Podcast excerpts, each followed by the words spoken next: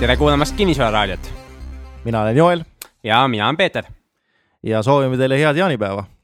just, sest eile oli jaanilaupäev ja täna ongi jaanipäev.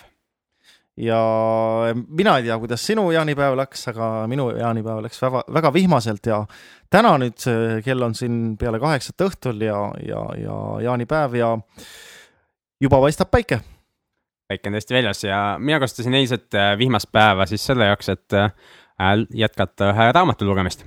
mis raamat see on? et äh, ma loen siis selle Real Estate Guys'i raamatut, see koolitus, kus me kevadel käisime, nende, need, kes seda koolitust läbi viisid, eks ju, neil on ka raamat, üks väljas. ja on Equity Happens, et selle, seda raamatut lugesin edasi. ma arvan, me tulevases saates võib-olla räägime ka sellest, mis, mis raamatus sees on, aga ma tahaks enne lõpuni jõuda mm. -hmm. mina pole veel alustanud. minul on praegu pooleli selline raamat nagu Midas Touch, mis on tehtud äh, kahe autori poolt, üks on Kiyosaki ja teine on siis äh, Donald Trump. ehk eesti keeles on ka siin ilmunud Midase puudutus. ahah, okei okay., ma eestikeelset ei ole lugenud, et mul on ingliskeelne. jah, ma ise ka tihti loen hoopis ingliskeelseid asju, isegi kui eesti keeles on olemas, sellepärast et äh, tõlkega on nii, nagu on, et äh, päris tihti on, on tõlkega probleeme kahjuks Eestis. jah, seal on äh, sellised väga tähtsad nüansid, mis on, tulevad välja palju paremini, kui sa loed selles keeles milles see raamat originaalselt kirjutati mm. -hmm. aga tänased teemad on siis äh, finantsaruanded ja otsustasime rääkida natukene siis äh, numbritest ja loodetavasti ei jää mina siin magama ja teie seal kuulajana ei jää magama, magama, et me teeme vähemalt äh, parima, et sellest äh, huvitavat rääkida. aga miks numbrid olulised on, Joel? Numbrid on tegelikult see, mille alusel peaks äris kõik otsused tegema, see on minu arvamus ja kinnisvara, mis, mis ta, kinnisvarasse investeerimine, mis ta muud on kui üks äh, ettevõtluse liik tegelikult. ja, ja otsused võivad baseeruda emotsioonidel ja, ja võivad baseeruda numbritel. kumbi sina eelistad? mina eelistan numbreid, mulle väga meeldivad igasugused Excelid ja, ja mul on endal on päris mitmeid erinevaid äh, numbreid, mida ma jälgin ja, ja mul on ka, mul on erinevad graafikud, mida ma jälgin, ma kasutan värve ja, ja nendest ma näen, et eh, mis seisus ma olen, kui kiiresti ma liigun ja kas ma liigun õiges suunas, et minu jaoks need on väga-väga tähtis osa ja iga kuu alguses ma võtan endale sellise ajajupi, kus ma siis käin kõik oma numbrid läbi, eh, panen, panen uued numbrid kirja, et mis on kuu jooksul juhtunud ja siis istun, vaatan neid ja, ja analüüsin, et eh, kas ma olen liikunud õiges suunas mm. -hmm. et mida mina kõige rohkem praegu jälgin on, on rahavood enda puhul ja, ja, ja see, et laenumaksed saaksid õigeaegselt tehtud, et kuna laenulepinguid on päris mitmeid, siis, siis on vaja jälgida, et, et äh, inimesed, kes on mind usaldanud ja kes on mul laenanud, et nad siis äh, õigel kuupäeval või mõned päevad varem äh, näeksid oma kontol taaskord raha. jah, aga, aga et, et kergem oleks jälgida seda, mida me räägime, siis me paneme veebilehele üles ka lingi sellele eh, Exceli, Exceli tabelile, millest me siis täna räägime. nii et eh, kui te nüüd kuulate seda raadiosaadet ja ei ole veel seda linki lahti teinud, siis eh, peatage hetkeks, tehke see Excel lahti ja kui võimalik, siis isegi printige see endale kõrvale, et te saaksite teha äh, märkmeid. jah, saaksite märkmeid teha ja, ja siis, kui lõpuks on saade läbi, siis äh, võtta see Excel ette, täita oma numbrid sinna ära ja vaadata, et mis siis vastu paistab. just ja, ja kui sa sõidad autoga või teed äh, midagi muud, milleks raadiosaated on väga head, eriti need, mis on internetis. et ma ise tavaliselt kuulan ka neid ainult siis, kui ma kas autoga sõidan või, või hoopis midagi muud tegevust taustaks. siis kui sa oled mänginud cashflow mängu, siis, äh, siis sisuliselt see, millest me rääkima hakkame, on finantsaruanded, see on sama, mis on cashflow mängu lehe peal jah, see ongi eh, Robert Kiyosaki kodulehelt on see, on see võetud ja mm -hmm. seda me kasutame. okei okay., aga kui keegi ei ole kunagi mingisugust ühtegi finantsaruannet näinud ja, ja, ja hakkab kusagilt pihta, siis äh, mis, mis need asjad on, mida ta kõigepealt näeb? seal on äh, kah, kaht, kahte liiki aruannet, mida ta näeb, üks on siis rahavoo aruanne, mis näitab tulusid ja kulusid. ja, ja teine on bilanss, kus on siis varad ja kohustused ja raamatupidajatel on seal huvitavad muud terminid nagu aktiva ja passiva ja nii edasi. aga sisuliselt see on siis seesama asi nagu varad ja kohustused jah, ja kuna see Excel on inglise keeles, siis äh, võib-olla mõne, mõnel kuulajal ei ole inglise keel kõige parem, siis äh, tulud ja kulud, siis tulu on income ehk siis sissetulek ja kulu on expenses. ja miks me seda põhja just kasutame, netis on päris palju muid asju ka, siis, siis tegelikult äh, me ei taha nagu rääkida väga pikalt sellest, et mis on mis, eks ju vaid, vaid pigem kuidas analüüsida ja, ja mis nende numbritega pärast peale hakata. aga käiks korra üle, et rahavoogude aruandest leiab siis tulud ja ilmselgelt tähendab see seda raha siis, mis äh, sul sisse tuleb igakuiselt. jah, ja siin on toodud kolme klassi tulusid, earned income. ehk siis äh, teenitud tulu. jah, see on siis äh, sinu palk. siin on kaks võimalust, earned üks ja kaks. Eestis on tüüpiline, et inimestel on rohkem kui üks töökoht jah, ja või on siis äh, perekond, kus on mitu inimest, kellel on töökoht. jah, et, äh, et mina tegin päris kaua aega, ma tegin seda, seda aruannet endale üksi, aga nüüd me oma naisega leppisime kokku, et me teeme perekonna ühise mm. -hmm. sest äh, tegelikult me töötame kahekesi oma, oma eesmärkide nimel, mitte ainult mina üksi ja tema üksi et see on väga hea, sest paljud, tõesti, kui sa üksi teed, et mis kasu sellest on, et kui, kui sina ka näiteks odavatest väljas üks päev oled ja, ja naine ikka käib tööl nagu, et see.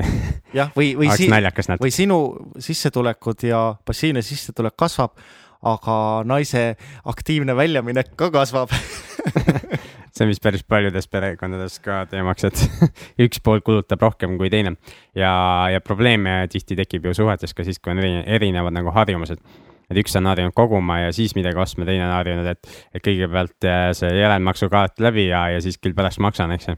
et siis, siis ka need asjad nagu väga ei klapi, et selles suhtes tasub alati neid asju koos vaadata.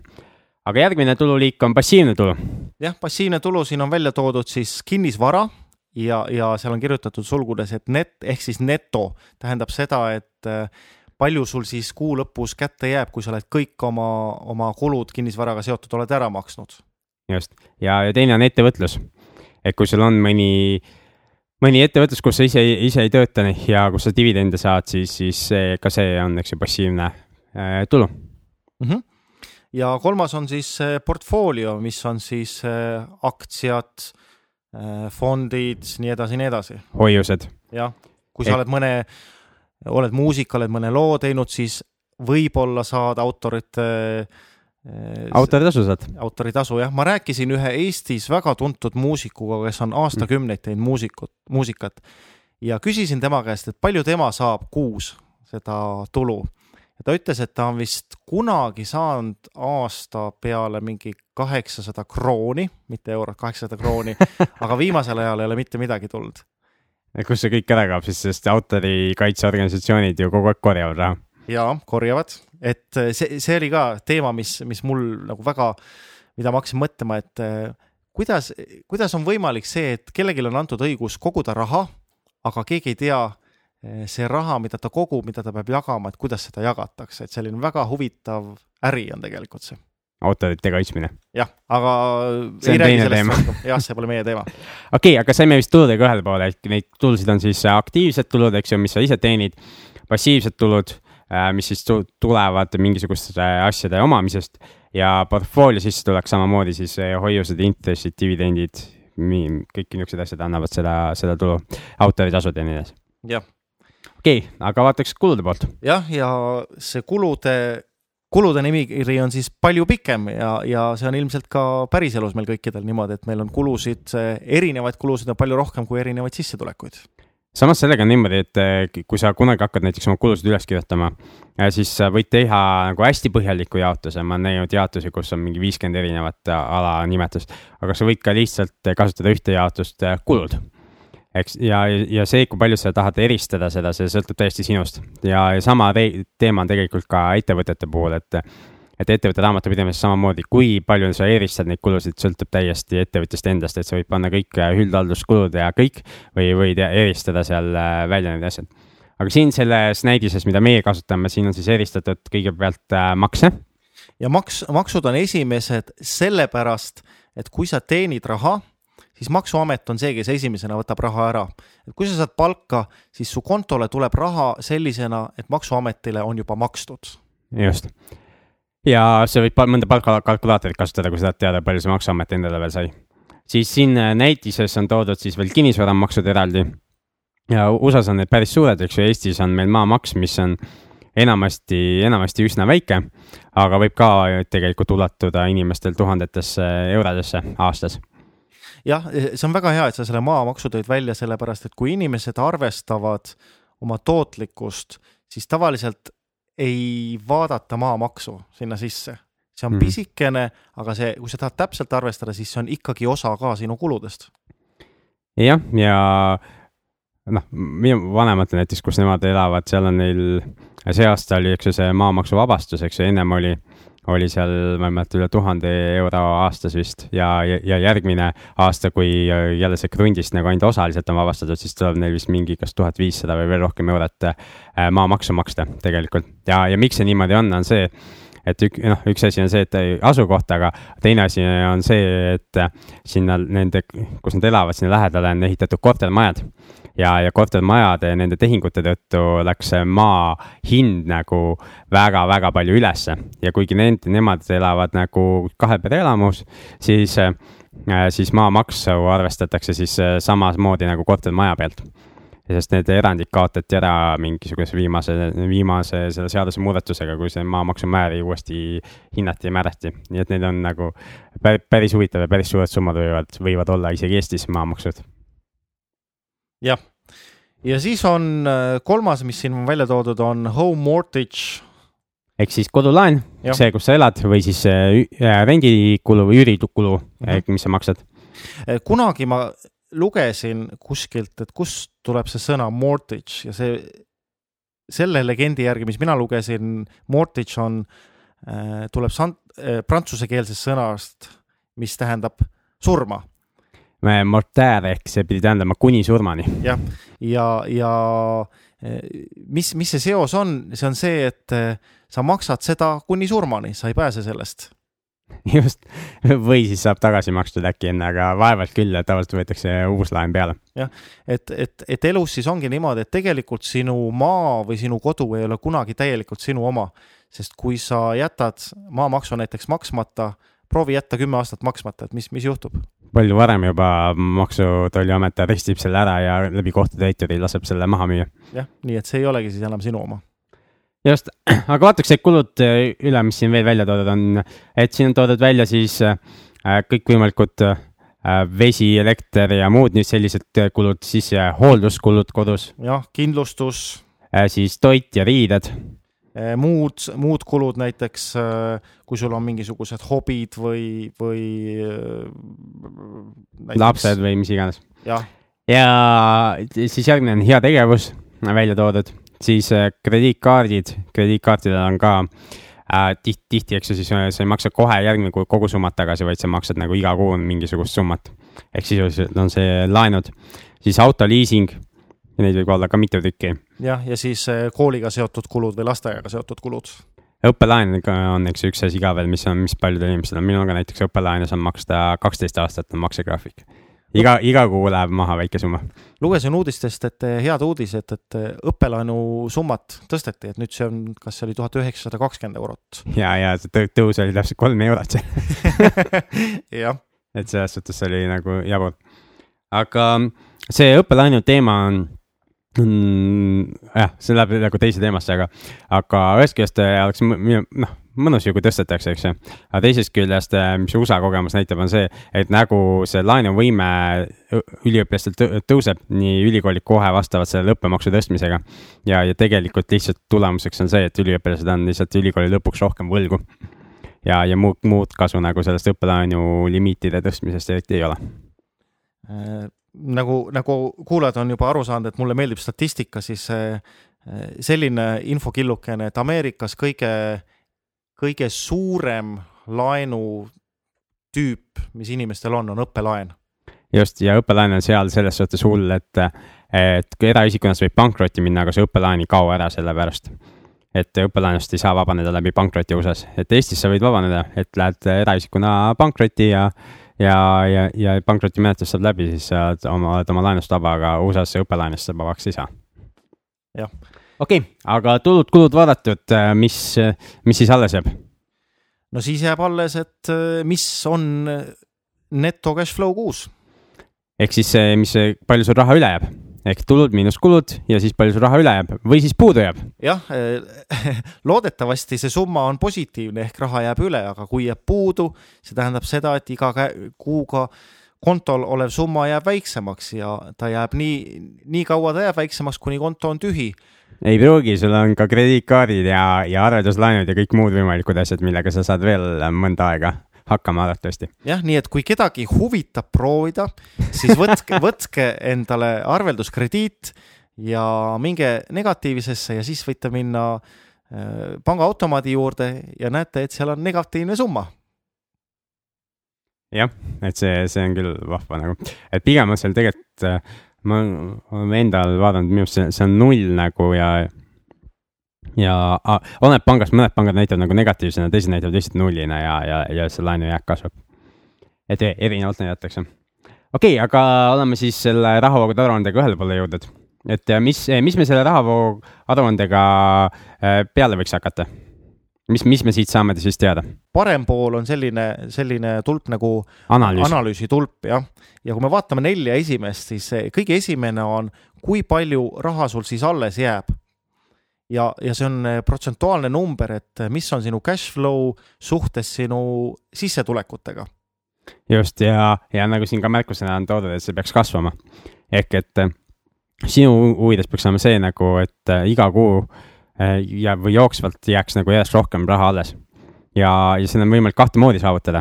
üks variant on siis niisugune klassikaline soovitus on see, et, et vähenda kulusid ja, ja niisugune Robert Kiyosaki soovitus on see, et, et, et suurenda tulusid ehk siis leia mingisuguseid viise, kuidas lisasissetulekut tekitada. lisasissetulekute te tekitamisega piire ei ole. kindlasti aga, mitte. jah, aga äh, sinu kulude vähendamisega tuleb piir vastu, sellepärast et sööma peab, kuskil elama peab, riideid peab ka aeg-ajalt ostma mm. -hmm. ja sul tuleb mingisugune piir vastu, et kui odavalt sa elada saad seda küll, aga Eestis vist päris äh, paljud inimesed, kas siis äh, vabatahtlikult või, või, või ütlevad, et ise on sundolukorras, proovivad siis seda, kus see piir on. aga ausalt öeldes mulle nagu küll sinna piirile läheneda ei meeldiks. jah, no meie loodame ka, et need inimesed, kes kuulavad meie saadet, et nemad ikkagi äh, töötavad või. tulude kasvatamise nimel jah ja,, mitte ja. ei, ei testi seda piiri, kus minimaalsete kuludega elada saab. Aga siis järgmine on üks, mis on minu lemmikutest, et eh, kui palju sinu raha töötab sinu kasuks. mis, mida sa sellega mõtled või mis see tähendab? see tähendab seda, et eh, sinu passiivne raha, kui palju ta nii-öelda sinule teenib, protsentuaalselt jälle. et kui palju, siin on siis välja toodud see, et kui palju sinu passiivne eh, sissetulek moodustab kogu sissetulekust. jah, täpselt nii. ja, ja siin on samamoodi, et see peaks siis kasvama, antud soovitus. jah, ja, ja, ja kui eks ole, eh, see on, see on protsentuaalselt ja mingisugune hetk, eks ole, eh, passiivne võib olla sul suurem kui aktiivne mm. -hmm. see oleks küll hea päev ju. jah. ja mida paljud inimesed nagu noh, ei tea või ei teadvusta endale, on see, eks ju, et passiivset sissetulekut üldse on võimalik tekitada eks ju, ja, ja tihti inimeste passi, kogu passiivne sissetulek piirdub siis selle, selle paari euroga, mis tuleb aasta, esimesel jaanuaril kontole, eks ju, et eelmisel aastal arveldusarvele midagi hoitud. võib-olla see ei ole enam nii suur summa, sellepärast et arveldusarve intress on vähenenud väga.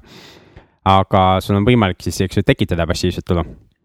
kõige lihtsam passiivne tulu on see, et sa lähed äh, panka ja teed endale mingisuguse muu arve, mis äh, kus hoiuse. makstakse, jah, hoiuse, kus makstakse rohkem, aga äh, tänapäeval on intressid on nii madalad, et inflatsioon on kõrgem kui need intressid, mida tavalised pangad maksavad.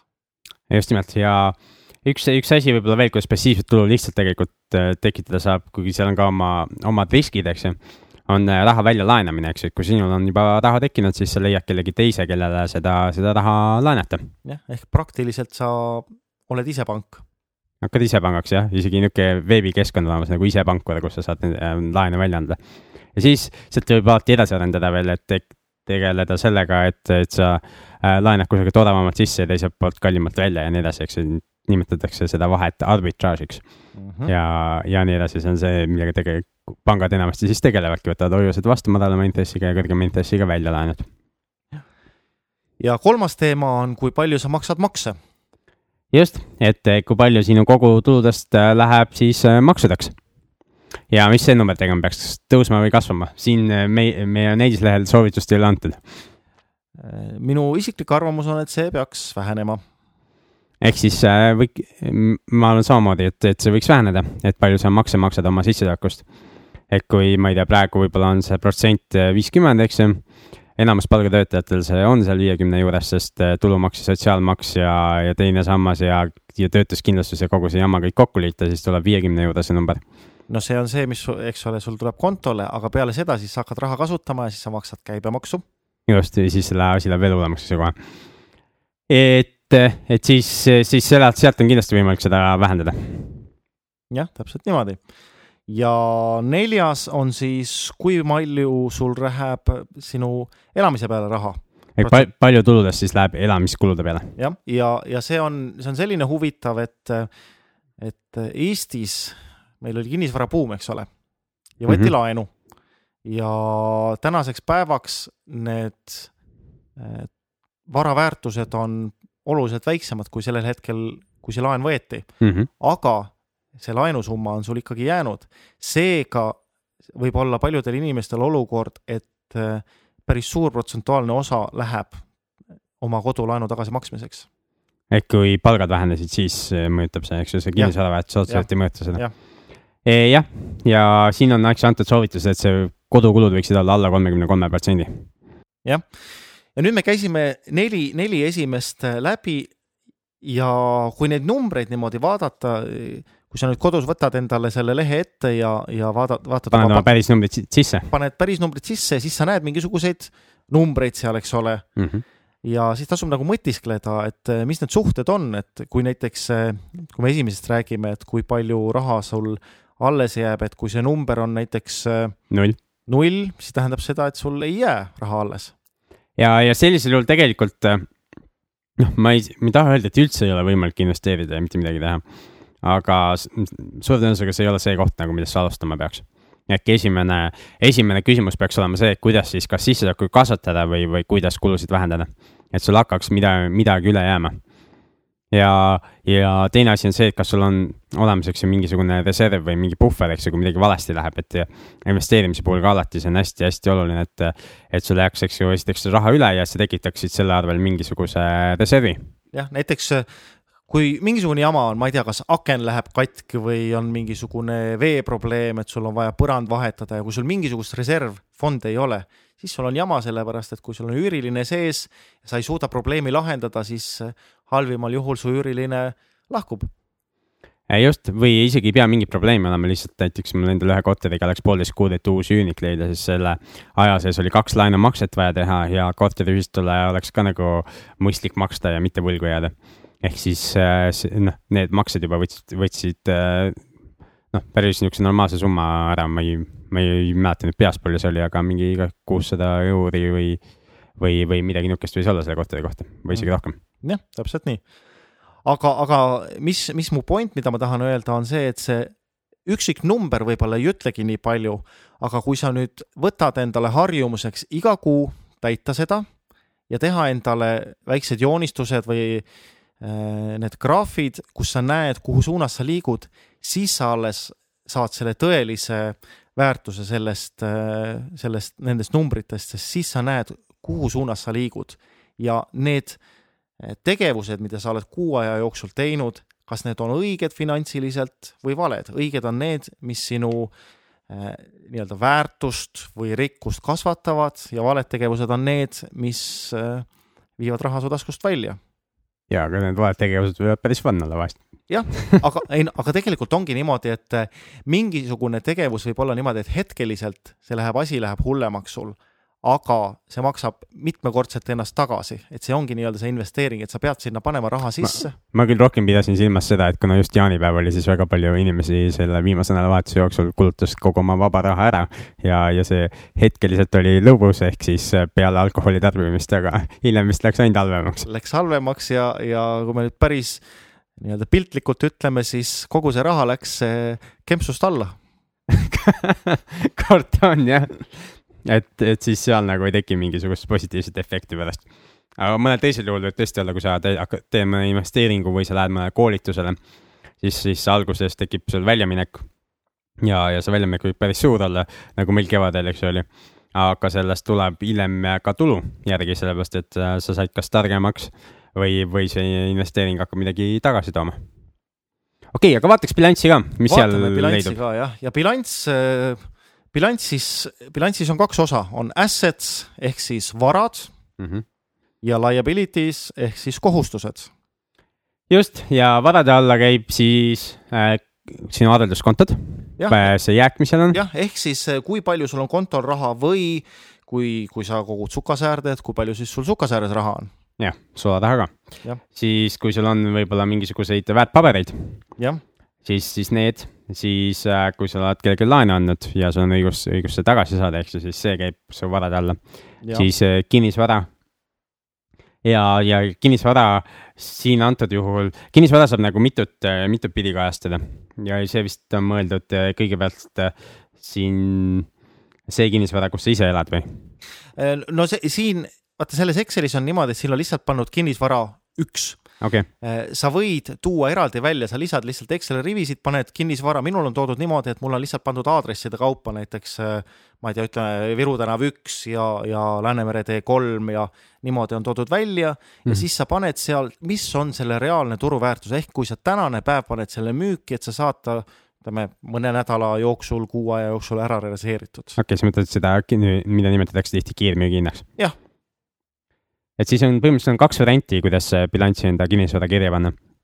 pannud see turuväärtus kirja äh, varade alla ja, ja laen siis kohustuste alla või siis äh, teine variant, mis tegelikult vähem infot annab, on see, et sa paned kirja selle kinnisvara lihtsalt hetkeväärtuse ehk siis äh, turuväärtus miinus laen ja siis sa saad selle jäägi kätte, paned ainult selle jäägi kirja. jah, mina olen kajastanud niimoodi, et mul on turuväärtus ja siis seal kohustuste all on laen just ja mina, mina pooldan ka nagu seda rohkem, et siis sa saad aru, kui suure summa eest sa kinnisvara nagu kontrollid hetkel ja, ja mis need laenujäägid parasjagu teevad. Ja siis saad ka arutada, arutada välja see, sellist huvitavat asju, mis on LTV jah, LTV on loan to value. Ehk siis see, kui palju väärtusest moodustab laen. just, et kui palju väärtusest sa oled välja laenanud, võib ka nii vaadata.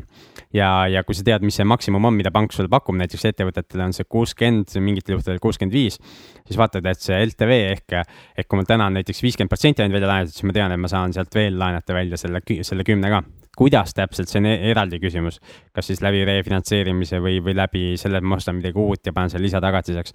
aga vähemalt ma tean, et mul on sealt äh, võimalus midagi juurde laenata, kui ma leian hea tehingu.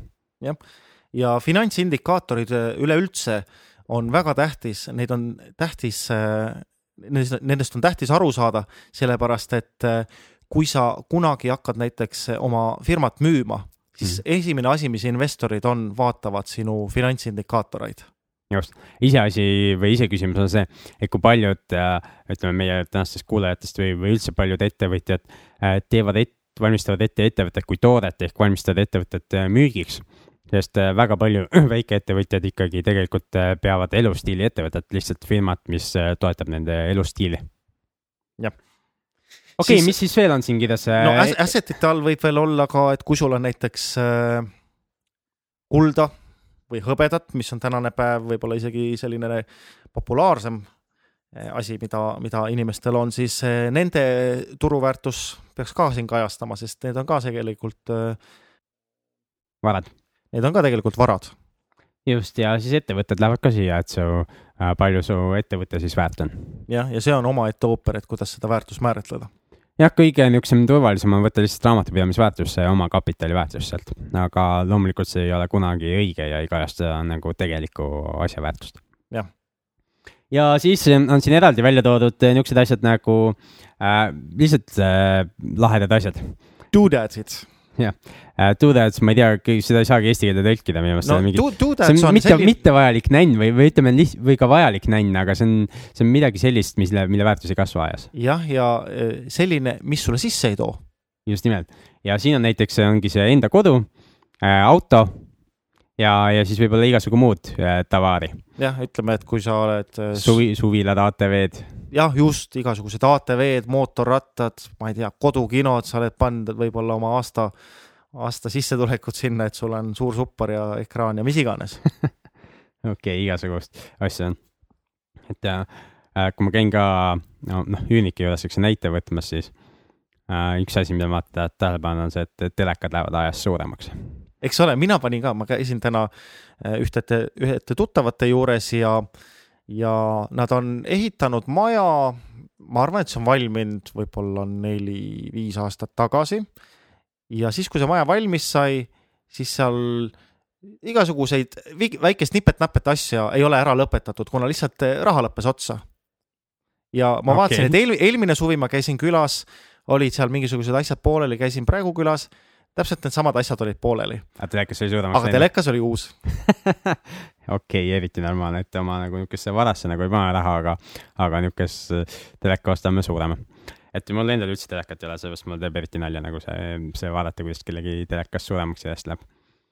okei okay., ja nüüd me saame siis teada, kui palju sul siis äh, vara on jah, ja siin on kaks arvutust, kuidas, kuidas sinu vara kokku arvutada. esimene on siis eh, pankuri moodi ehk siis pankur võtab kõik sinu asjad ehk siis eh, sinu.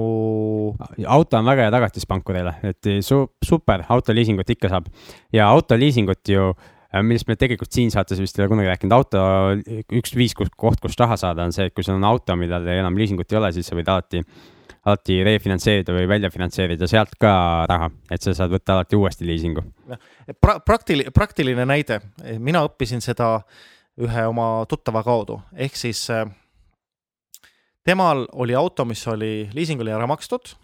ta müüs siis selle oma firmale ja firma võttis liisingu. tema sai raha kätte oma kontole ja tema firmale tekkis võlg. just. ja auto jäi endale ja raha on ka olemas. täpselt nii, ehk, ehk, ehk siis võib-olla peakski selle tulevikus kinnisvarakoolitustele ka panema üheks viisiks, kus, kus kohaks, kust äh, raha saada, et, et suurendada siis äh, laenu oma autol. jah. okei okay ja teine, teine variant, mis siin on, siis on toodud see rich daddy versioon ehk siis äh, lihtsalt varad, need, mis toovad sulle raha sisse ja ei mingisuguseid autosid ja muid asju arvesse võtta. täpselt nii okei okay,, vaatame kohustusi ka. Siin eh, esimesena on toodud krediitkaardid ehk siis krediitkaardi võlad, kui sul on eh, krediitkaardi peal mingisugused eh, võlad, mis on maksmata, siis. eks see võlajääk siis. jah, et kirjuta siis need kõik siia. just, siis on autolaenu jääk, õppelaenu jääk, kodulaenu jääk, arvelduskrediidi jääk. võib-olla oled sa veel mõne huvitava nimega laenu saanud, päikeselaenu jääk. jah, või mõni tänapäeval on päris palju, on iga, igal pool poodides sa saad mitmes osas, eks ole, maksta mm. -hmm. sa saad kohe oma teleka või mis iganes kätte ja siis maksad seda kakskümmend neli või nelikümmend kaheksa kuud, siis see jääk peaks olema ka siin kirjas. mul teeb alati nalja, kui ma vaatan, et neid iPhone'e vist ostetakse ka mingisugune neljakümne kaheksa kuuse järelmaksuga või, või, või neid iTab'e.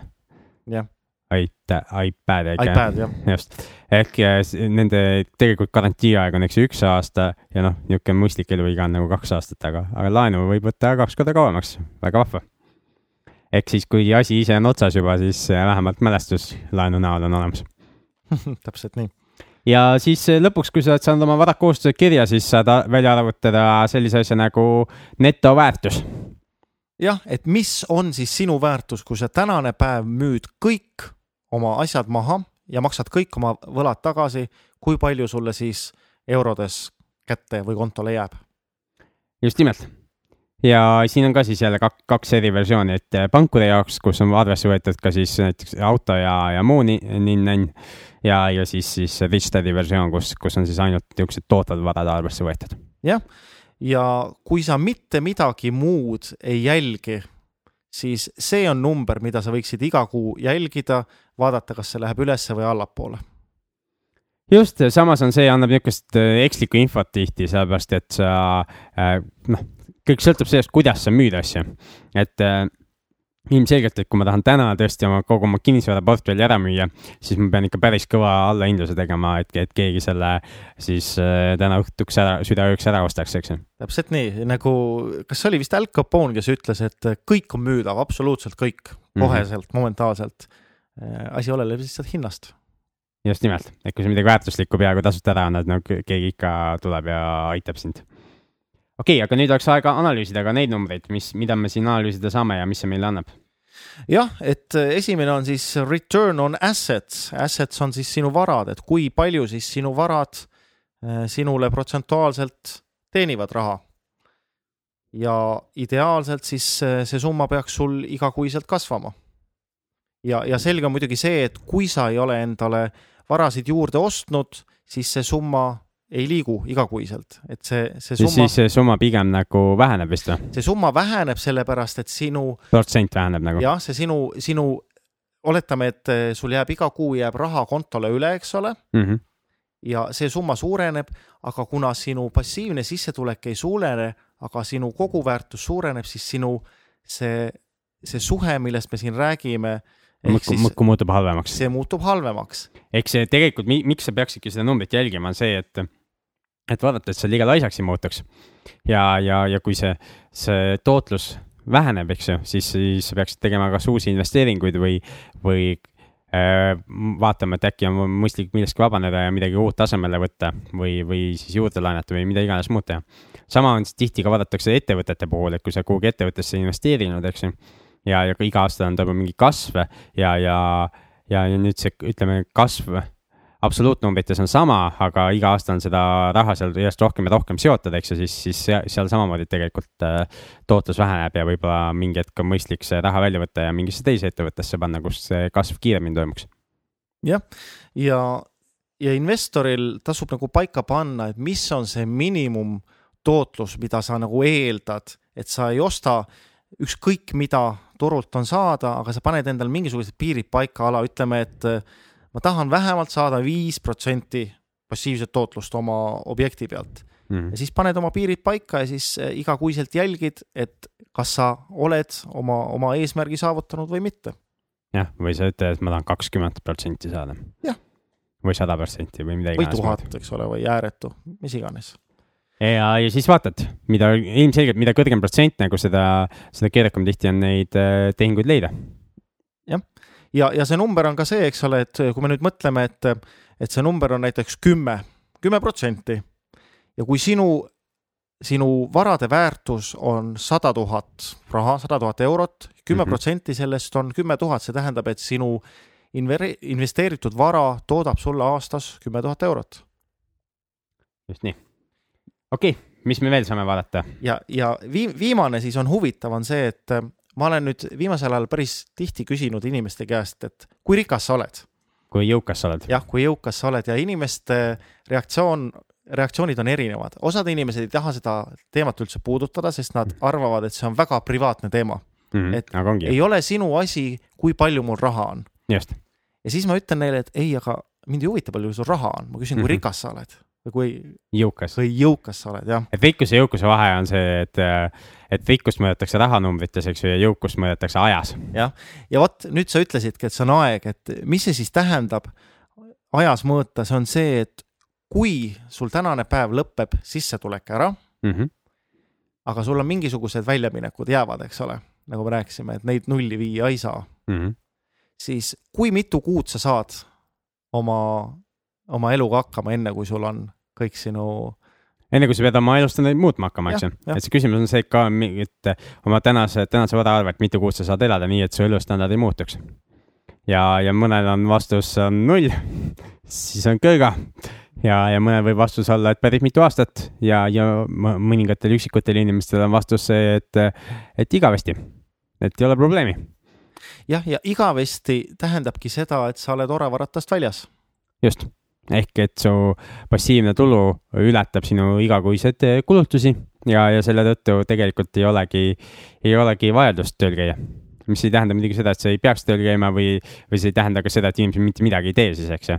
vaid midagi ta ikka teeb ja, ja, ja tihti teeb veel rohkem tööd kui, kui, kui see inimene, kes, kes lihtsalt palgatööl käib selleks, et ots otsaga kokku tulla. jah, ja järjekordselt äh see on number, mida tasub igakuuselt mõõta ja vaadata, et kuhu poole see kriips läheb, kas ta läheb ülespoole või allapoole.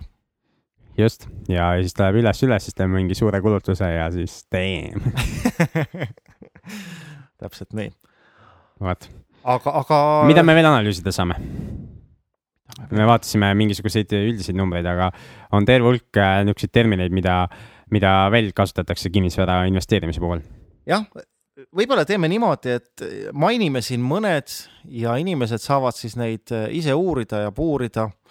et me kõike siin välja ei too, muidu, muidu meil läheb siin igavik, aga üks mm, -hmm. mil, millest väga tihti räägitakse kinnisvara puhul ja kõige muu puhul on ka return on investment. ehk ROI. jah. ja mida see tähendab, see on investeeringu tootlus. ehk ütleme, et siis korter maksab näiteks kolmkümmend tuhat eurot ja aastane üüritulu on, ma ei tea, kolm tuhat kuussada, mis teeks siis kolmsada eurot äh, kuus, eks ju. ja, ja siis nüüd me saame arvutada selle tootluse välja, eks ju, kolm tuhat kuussada on see üüritulu, siis jagame ta kolmekümne tuhandega läbi, jah mm. -hmm. ja, ja siis me saame mingisuguse protsendi. jah, ja see ongi return on investment. just, ja, ja kui ma seda praegu vaatan, mis see number võiks olla siis?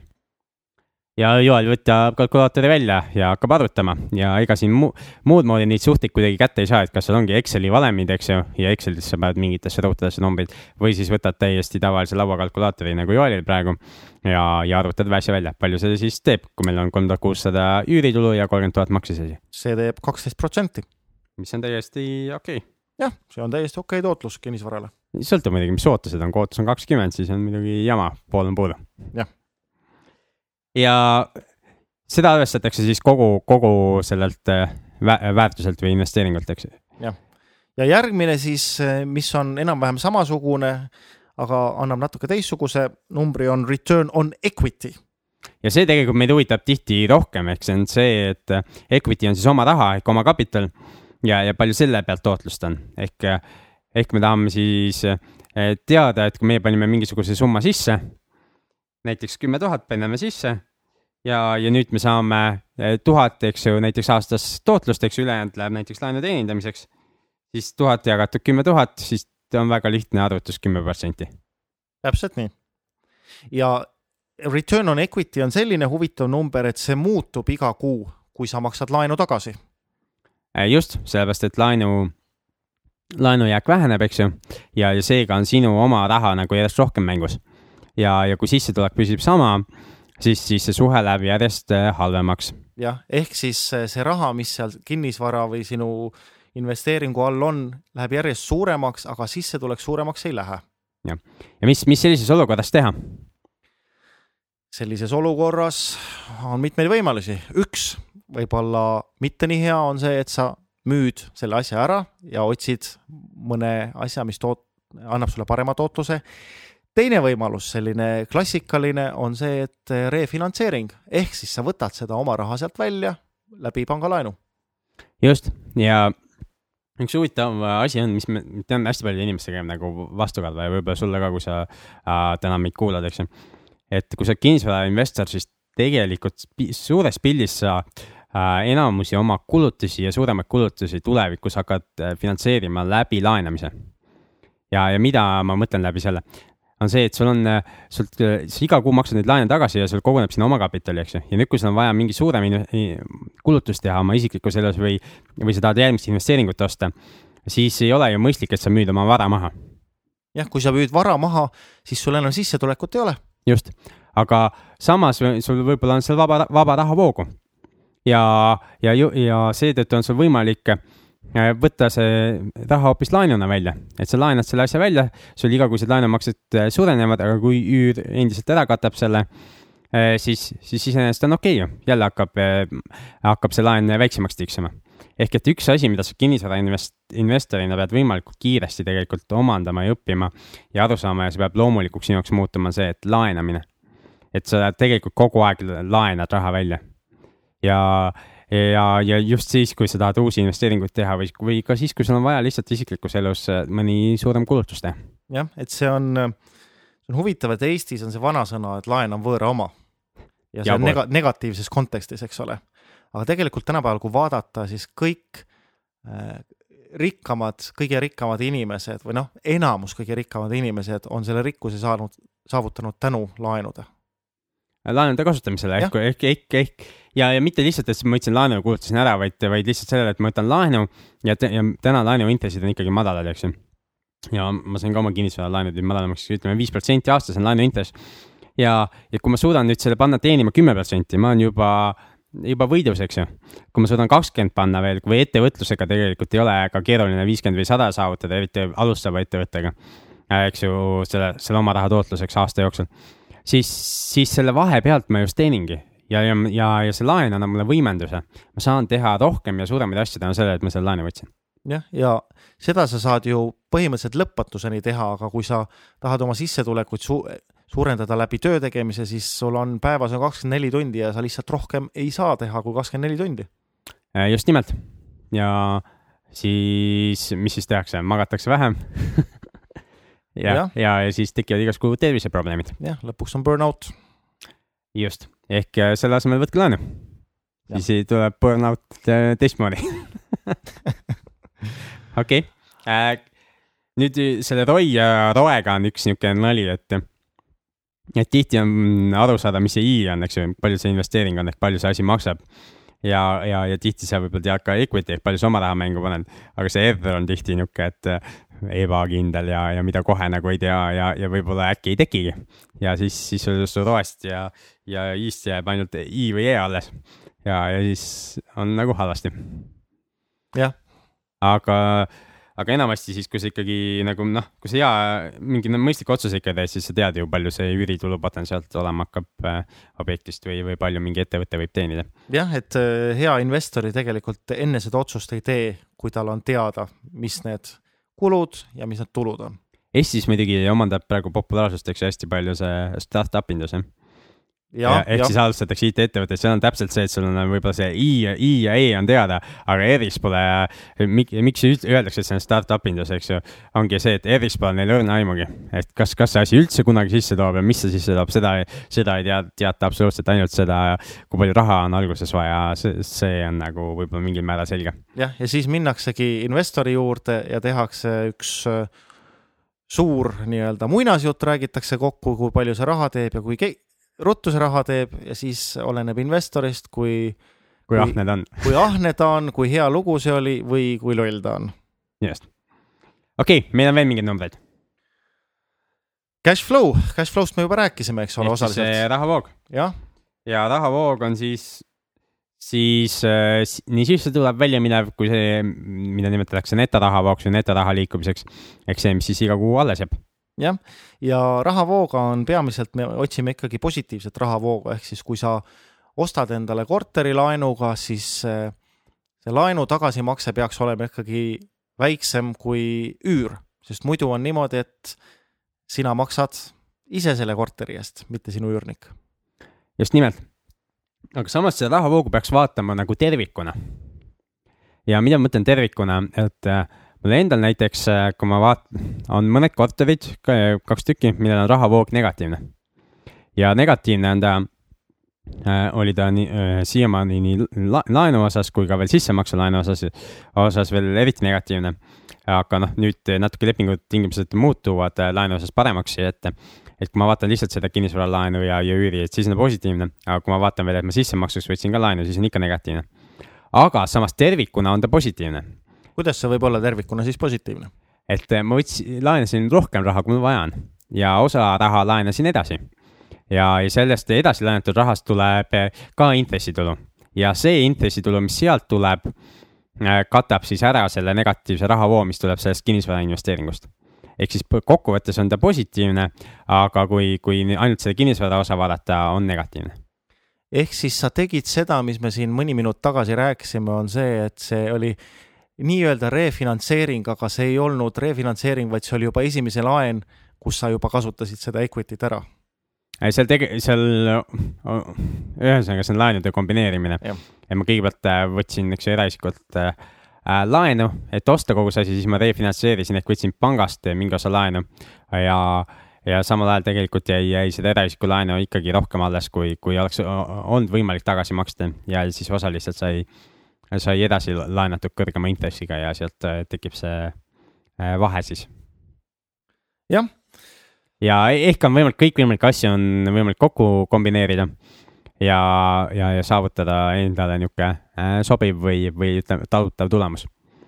aga mis minu eesmärk on, on see, et, et üks asi on, eks ju, rahavoog ja teine asi on kapitali kasv ja kapitali kasv saab siis tekkida, eks ju, sellest, et sina kontrollid kapitali või mina kontrollin kapitali. ja, ja, ja, ja tänu sellele, et mul need kaks korterit on, eks ju, saab tekkida kapitali kasv. ja, ja kui ma oleks tahtnud ainult positiivset rahavoogu ja öelnud, et ei, kui positiivset rahavoogu ei ole, siis ma ei osta, noh, siis mul ei oleks neid kahte korterit lihtsalt.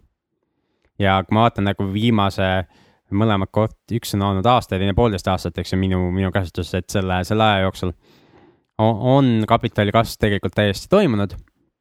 pluss äh, lisaks tuleb mängu veel see, et mõlemad said ju tol hetkel juba hea hinnaga ostetud ja mõlemad on natuke mingil määral renoveeritud, ehk siis tekkis sellest renoveerimisest ka juba kapitali kasv, eks ju.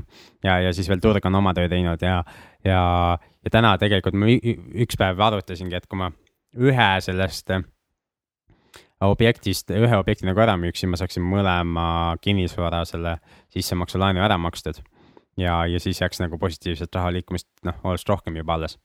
aga samas, noh, milleks mm? -hmm. las olla mõlemad. me enne, enne saadet siin rääkisime Peetriga igasuguseid asju ja ma rääkisin ka seda, et et just, et miks mulle numbrid meeldivad ja miks mulle see Excel nii meeldib, on see, et siin saab simuleerida erinevaid äh, erinevaid juhtumeid, et mis juhtub, kui sa näiteks mingi laenu maksad tagasi või mis juhtub, kui sa ostad korteri ja see hakkab sulle nii ja nii palju teenima, siis eh, tasub kindlasti veeta aega selle Exceliga koos ja, ja siit, siit siis selgub, et mis, mis, mis on mõttekad otsused ja mis, mis on mittemõttekad otsused ja kuidas, kuidas mingisugune muutus mõjutab siis sinu, sinu finantsseisu. just nimelt ja Cashflow mängus ka, kui me mängime seda lauamängu, siis, siis tegelikult mõistlik on seal võrrelda, et alati, kui mul on raha käes, et kas ma ostaks selle rahaga nagu uue investeeringu või maksaks mõne laenu tagasi. Ja, ja tihti noh, inimesed ei tee seda, teevad nagu mõtlematult asju, aga, aga mida rohkem sa osk-, näed nende numbrite vahel seoseid, seda, seda tegelikult kaalutletumaid ja läbimõeldumaid otsuseid sa saad teha ja teadlikke otsuseid. mitte lihtsalt, et oo, ma ei tea, ma laen ei meeldi, maksan ära. või et oo, tahaks veel mingisugust ma ei tea, asja saada ja ostan, ostan asja. jah, aga neid erinevaid äh, suhtarve ja, ja neid indikaatoreid on väga palju, et võib-olla lõpetame nüüd tänaseks ära. kindlasti mõni teinekord võime minna veel sügavamasse, äh, sügavuti sellesse teemasse. et äh, aitab tänaseks küll, et kui te soovite, et me räägiksime millestki täpsemalt, tahate meie käest midagi küsida, siis endiselt Malli aadress töötab, saade et kinnisvararaadio.ee. saatke, saatke meile küsimusi, joonistage ja me räägime nendel teemadel. Mida muud kui head arutamist. jah, ja kohtumine järgmine kord. kohtumiseni nädala pärast